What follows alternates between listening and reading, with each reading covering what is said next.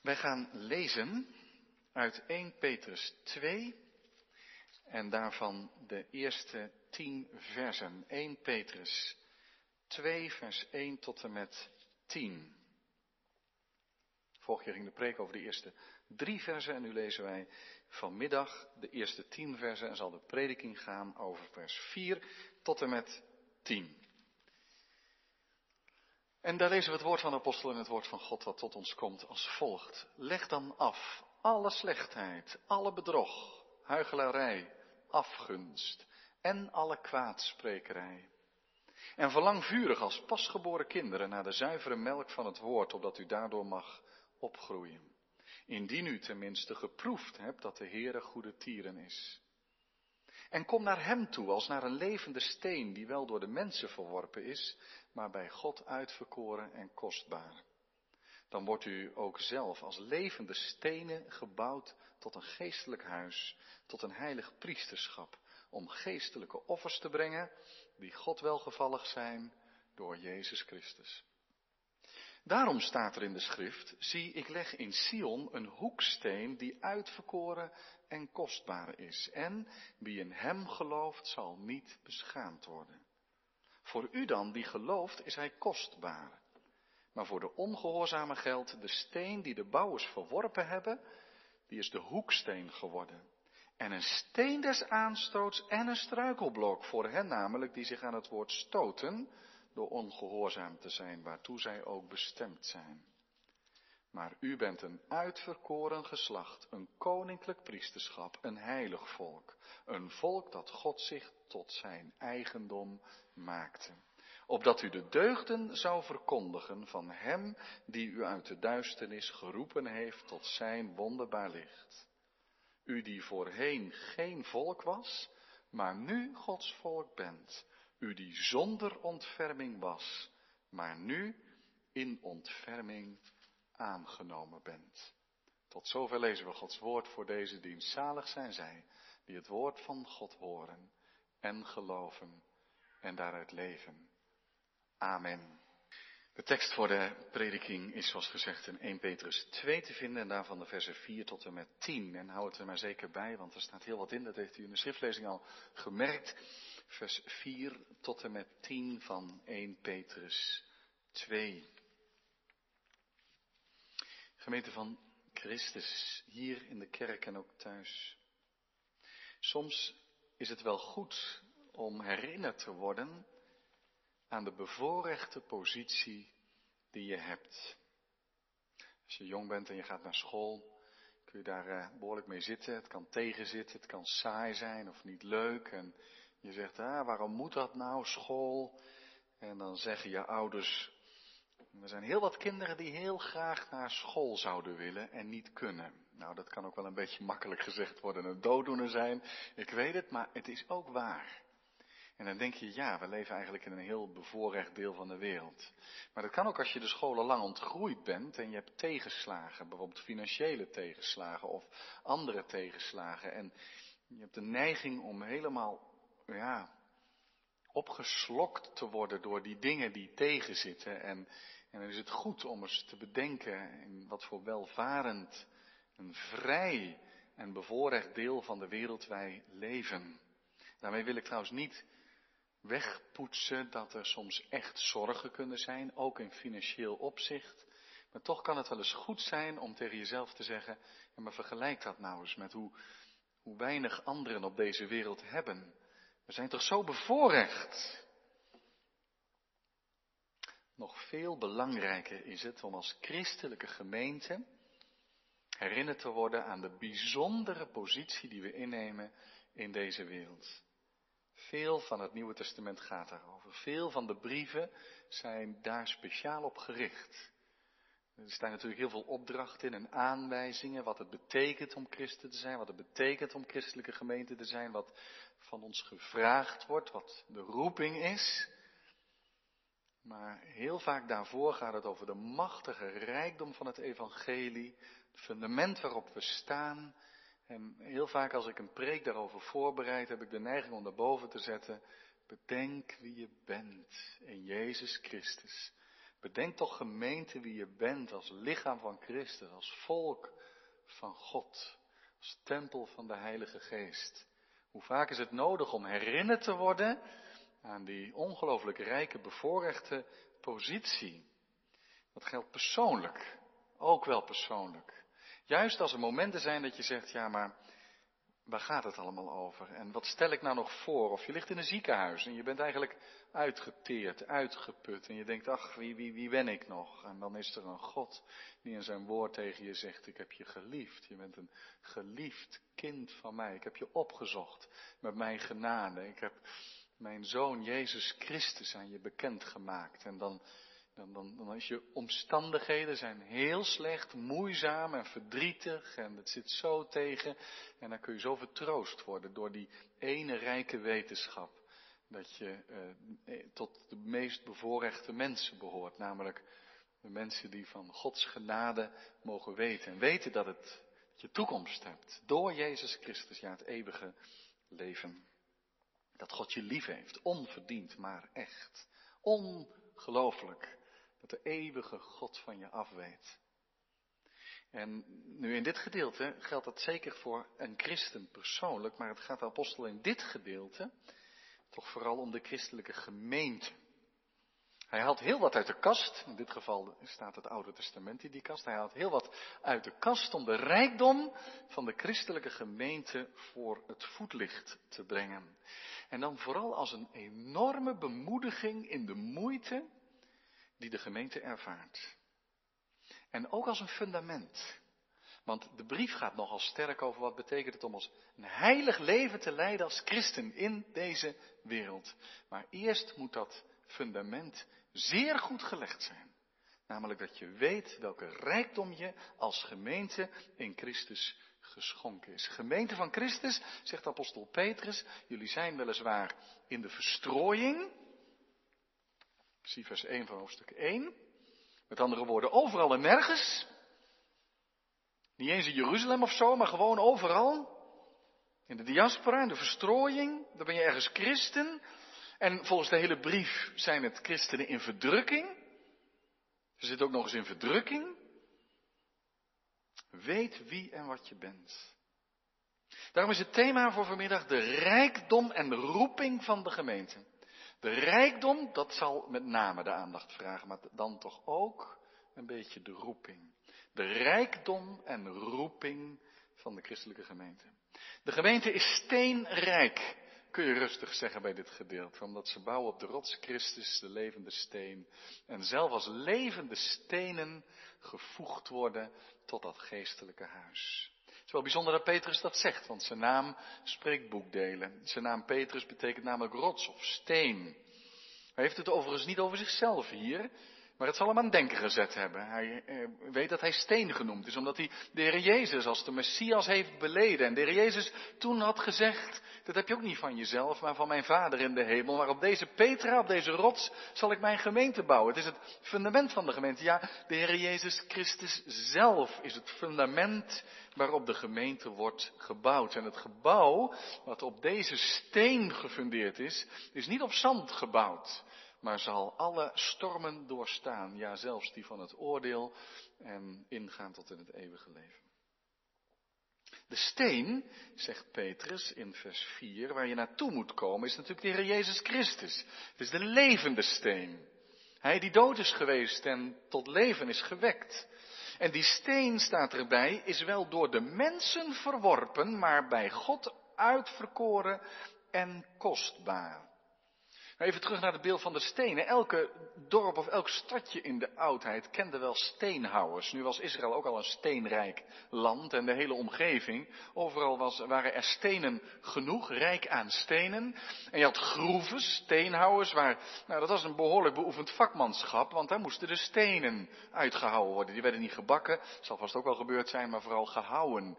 Daksteentjes, lijstenen, bouwstenen, hoekstenen, sierstenen funderingsstenen, allerlei soorten en maten, hoeken en gaten. Ze moesten overal inpassen. En dan kwam er een steen en die hadden de bouwers in handen. En zeggen, was dit een vreemde steen? Die dient echt nergens toe. Maar het is zo'n bijzondere steen, die gooien we weg. Heb je niks aan. Verkeerd houwerk geweest. Een verworpen steen. Wat is dat voor steen? Weg ermee. Nu zegt Petrus, zo is het met de Heer Jezus gegaan. En dan mag je trouwens ook wel rijk mee rekenen. Want als je zelf vervolging ervaart en je voelt je zo'n verworpen steen, zo wat heb je aan die christenen? Daar, kun je nou niks mee in de maatschappij. Zo hebben ze toen tegen christenen aangekeken. Bedenk, dat is ook met de Heer Jezus gebeurd. Ze hebben hem verworpen, maar, en dat mag jou je troost zijn, hij was bij God uitverkoren en kostbaar. De Heere God zei, dat is geen misvormde steen, maar dat is precies wat die moet zijn. Zo is het de hoeksteen, het funderingssteen van de christelijke gemeente. Door de mensen veracht en verworpen, zoals Jezaja 53 over de Messias, de knecht van de Heere zei.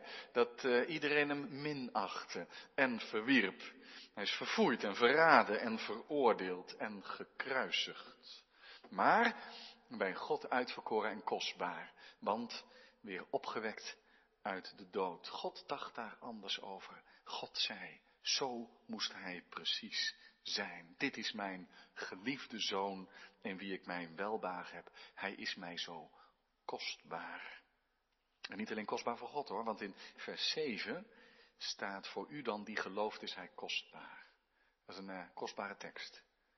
Voor u die gelooft is hij kostbaar. Kijk, dan zeg je, ja, ik uh, ontvang hem, ik neem hem aan. Hij is mijn heiland en hij is zo precies wat ik nodig heb. En niet kostbaar omdat ik hem zo nodig heb, maar je hebt geleerd dat precies zoals de Heer Jezus aan de wereld geschonken is, dat dat beantwoordt aan je diepste nood. Hij is mijn redder, mijn Heer, mijn verlosser. En dan is hij kostbaar voor je, mijn Jezus, mijn redder. En dan mag je hem aanbidden zoals hij is. En dan vind je het ook wel moeilijk, omdat hij zo kostbaar voor je is. Hij is je alles. Dan vind je het ook wel eens moeilijk dat anderen dat maar niet zien. Dat je het zelf wel ziet. En dat je zegt, waarom zie je dat nou niet? rijkdom in de Heer Jezus Christus. Nu, waarom brengt Petrus dit ter sprake? Hij zal dit gedacht hebben. Die gemeenten daar, die hebben dat nodig. Ze leven in de verstrooiing. Als eh, de diaspora, ik heb daar toen in de preek wel aandacht aan besteed. Ver bij Jeruzalem en de tempel vandaan vanzelf. De twaalf stammen in de verstrooiing. Het is ook wel echt de kerk van het Nieuwe Testament die niet meer één centrale plaats heeft. het was ook een veel verachte en vervolgde gemeente. En dat gebeurde eigenlijk op alle plaatsen, want Petrus schrijft niet maar aan één stad en aan één gemeente, maar men vond dat alom aanwezig, dat waar je de Heer Jezus ging beleiden, dat het moeilijk werd. Dat je veracht werd. En soms ook heftig vervolgd, uitgelachen, tegengewerkt.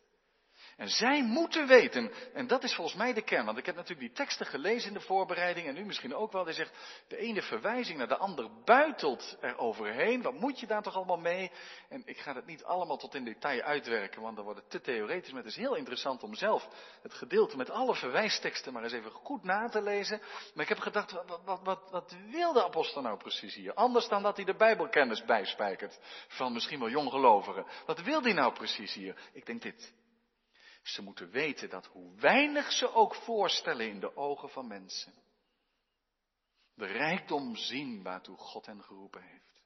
Namelijk dat zij zelf de beloofde nieuwe tempel zijn. Want dat was de diepe verwachting van het Oude Testament, dat er een dag zou komen dat God alles weer zou opbouwen. Ezekiel heeft het erover en meerdere profeten, dat God naar zijn tempel zou toesnellen om zijn belofte te vervullen. En jullie zijn die tempel, zegt de apostel Petrus. En daarom kom maar naar hem toe, als naar de levende steen. Dan wordt u, zegt vers 5, ook zelf als levende stenen gebouwd tot een geestelijk huis. Dus hier gaat het niet om een kathedraal, of om een tempel, of om een mooi kerkgebouw. Die hadden de mensen ook niet. En misschien dat ze ook wel eens gedacht hebben van, ja wat stellen we nou eigenlijk voor? We hebben eigenlijk niks moois. Als ze naar zichzelf kijken, dan zakt de moed in de schoenen. Wat stellen ze nou voor in deze wereld? Geen mooie kerk, ze tellen eigenlijk niet mee. De brief laat zien dat christenen het moeilijk hebben. Dat ze ook wel eens moedeloos worden. We stellen weinig voor. Nee, zegt Petrus. Jullie horen bij dat grote plan van God. Bij de vervulling van zijn belofte. Jullie zijn de nieuwe tempel. Niet met handen gemaakt. Geen gebouw, geen kathedraal. Maar een geestelijk huis. Dat is de plek waar God wil wonen. Zoals vroeger in de tabernakel de heerlijkheid, de glorie van God verscheen. En zoals dat ook gebeurde bij de inwijding van de tempel. En dat je duidelijk kon zien, ja de Heere God woont hier. God bij de mensen. Waar is dat nu? In de christelijke gemeente, zegt apostel Petrus. Want die worden de gelovigen worden gevoegd, samengevoegd, opgebouwd tot een geestelijk huis, waar de Heer door zijn heilige geest wil wonen. En jullie zijn levende stenen. Laat je zomaar invoegen. Dat is de rijkdom van de christelijke gemeente. Want dan ben je, het zijn allemaal woorden uit het Oude Testament, dan ben je een heilig priesterschap om geestelijke offers te brengen die God welgevallig zijn door Jezus Christus. Dan ben je een heilig priesterschap. Want in het volk Israël had je maar, maar een deel van het volk dat priester was. Een deel van de stam van Levi. Hoeveel procent van het volk zal dat geweest zijn? Fors minder dan tien. Dat zijn de priesters. En die nemen als het ware de dienst waar in de offerdienst. Maar nu de belofte in vervulling gaande, de Heilige Geest is uitgestort, niet maar op enkele, maar op elke gelovige, is de gemeente een koninkrijk van priesters, een heilig priesterschap. En mogen wij allen als levende stenen gebouwd tot die nieuwe tempel naar voren komen om als priester in de gemeente van God de offers te komen brengen. Nou, daar heeft u wat we hier aan het doen zijn. Geestelijke offers brengen voor God. In het verkondigen van zijn deugden, het gevoed worden door het woord om Hem de glorie te brengen in de kerk en in de wereld. Offers brengen waarvan God zegt dat zijn goede offers. Lofoffers. Offers van dienstbaarheid en dankbaarheid die gefundeerd zijn in Jezus Christus. Een heilig priesterschap. Nou, en dan onderbouwt Petrus zijn gedachten met veel verwijzingen naar het uh, Oude Testament. Zoek maar eens, hij had niet eens een concordantie, maar hij kende de geschriften, maar zoek maar eens op stenen enzovoort. En dan zie je hoe Petrus tot zijn gedachten komt. Hè? In Jezaja 28, daar gaat het over in vers 6. Daarom staat er in de schrift in Jesaja 28, vers 16, zie ik leg in Sion een hoeksteen die uitverkoren en kostbaar is. Jesaja profeteert over het herstel van de verwoeste tempel met een hoeksteen die heel dat gebouw samenvoegt en structuur geeft. Die hoeksteen, zegt hij, dat is de Heer Jezus Christus. Dat is ook de funderingssteen en de siersteen en de hoeksteen die het gebouw samenvoegt. Heel de gemeente draait om Hem. En dan staat erbij, wie in hem gelooft zal niet beschaamd worden. Weer zo'n bemoediging. Je kunt uitgespuugd worden door de hele maatschappij. En zo zullen veel christenen in Petrus' tijd dat wel ervaren hebben. En het gevoel hebben van, ach, we zijn zo klein en we stellen niks voor, maar hier staat, wie in hem gelooft, zal niet beschaamd worden. Want hij is die steen, die steen. En dan gaat hij van Jezaja 28, vers 16 over naar Psalm 118, vers 22. Een tekst die de Heer Jezus zelf ook aangehaald heeft en op zichzelf toegepast. Daar staat namelijk, en dat combineert hij dan met Jezaja 8, vers 14. Nou, je moet dat allemaal maar rustig zelf eens nazoeken. Maar Psalm 118, daar zegt, daar gaat het over die, die steen die door de bouwers verworpen is, maar door God een hoofdsteen of een hoeksteen gemaakt is. Dus dat beeld wat in vers 4 al naar voren kwam, een steen die verworpen was, maar bij God uitverkoren en kostbaar, dat komt weer terug in vers 7. De steen, Psalm 118, die de bouwers verworpen hebben, is de hoeksteen geworden. Maar Jezaja 8, vers 14, die zegt, het is ook een steen des aanstoots en een struikelblok. En dat is precies wat er gebeurt bij de Heer Jezus. En de Heer Jezus wees daar ook op toen hij met de fariseeën en schriftgeleerden in discussie was, dat hij zegt, denk aan Psalm 118, die, die hoeksteen legt God neer als een fundament, maar voor sommigen is het net op, op de hoek van een gebouw een steen die aan, uitsteekt en waar je als je het hoekje omgaat je aan stoot en aan bezeert. Of dat die op de grond ligt en het kan alvast fundament zijn, maar misschien struikel je erover. En, en op wie die steen valt, hij zal hem verpletteren. En als je op die steen valt, zul je ook verpletterd worden. Met andere woorden, hoe je ten opzichte van die steen staat, is van het grootste belang. Het wordt je fundament. die het gebouw samenvoegt. Je neemt Jezus aan of hij is een ergernis voor je. En eigenlijk zegt de apostel van zoek daar maar niet te veel middenweg tussen. Je, je wordt hier in de wereld geconfronteerd met de rijkdom van Jezus Christus. En dat ga je aanvaarden of, ja, of je gaat je eraan stoten. Nu of in Gods oordeel. Je eraan stoten. Want dat doen sommigen. Kijk, jullie, die geloven, zegt hij, dan is Jezus kostbaar. Dan heb je alles in die steen gezien, de levende steen, fundament en hoeksteen. Maar anderen, voor anderen een steen des aanstoots. Vers 8 zegt voor hen namelijk, die zich aan het woord stoten, aan het woord, hè? aan het evangelie van Jezus Christus. Ze storen zich eraan. Zeg, wat heb je daar nou aan? Het zal heus wel niet waar zijn of het is een boodschap van te veel zachte liefde en vergeving. Dat moet je niet hebben. Er wordt soms heel verachtelijk gedaan over de Heer Jezus. En hoe meer je Hem leert kennen, hoe minder je daarvan begrijpt. Zie je het nou niet? De machtige rijkdom van wat Hij heeft gedaan. Maar ze stoten zich aan zijn woord door ongehoorzaam te zijn, door niet te willen luisteren. En dan staat daarbij, en dat is natuurlijk moeilijk, maar het staat er wel, waartoe zij ook bestemd zijn. Waarmee de apostel zoiets wil zeggen als, uiteindelijk gaat dat terug niet. Voor het geval je mocht denken, ah, maar dan zijn wij een stuk slimmer geweest. Waarom zitten wij hier? Waarom kijkt u thuis mee? Gaat dat niet terug op Gods soevereine keuze? Gods verkiezende liefde. Die u uitverkoren heeft in Jezus Christus. Waarom was u er anders? Dat is Gods leiding. Alleen maar genade. En de keerzijde ervan schrijft Petrus op in vers 8. Waartoe zij ook bestemd zijn. Huiveringwekkende gedachten. Maar niet om dan maar te zeggen, nou dan is dat misschien maar zo in mijn leven. Nee, altijd weer word je opgeroepen. Om dan toch maar naar de Heer toe te gaan. En Hij wil je in genade aannemen. Als je de weg van de verharding gaat. Wat aangrijpend is dat. Een steen des aanstoot. Maar wij mag, mogen ons niet verheffen boven een ander. Het is slechts Gods genade.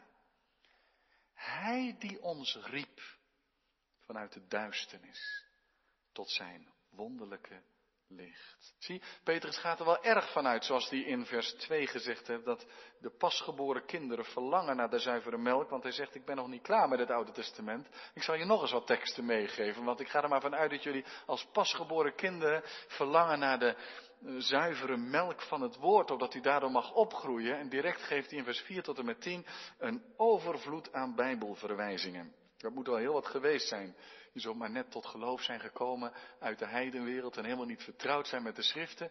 Maar dan zegt Petrus niet, nou laat het maar zitten. Hij zegt, nou duik er maar in. En studeer er maar goed op, want het zal je vastheid en fundament geven om de schriften te verstaan, om te groeien naar de Here toe, om te groeien in geloof. Nu vers 9 is een verwijzing naar Exodus 19. Dan is Israël bij de Sinaï aangekomen en spreekt God het volk aan en zegt, u bent een uitverkoren geslacht.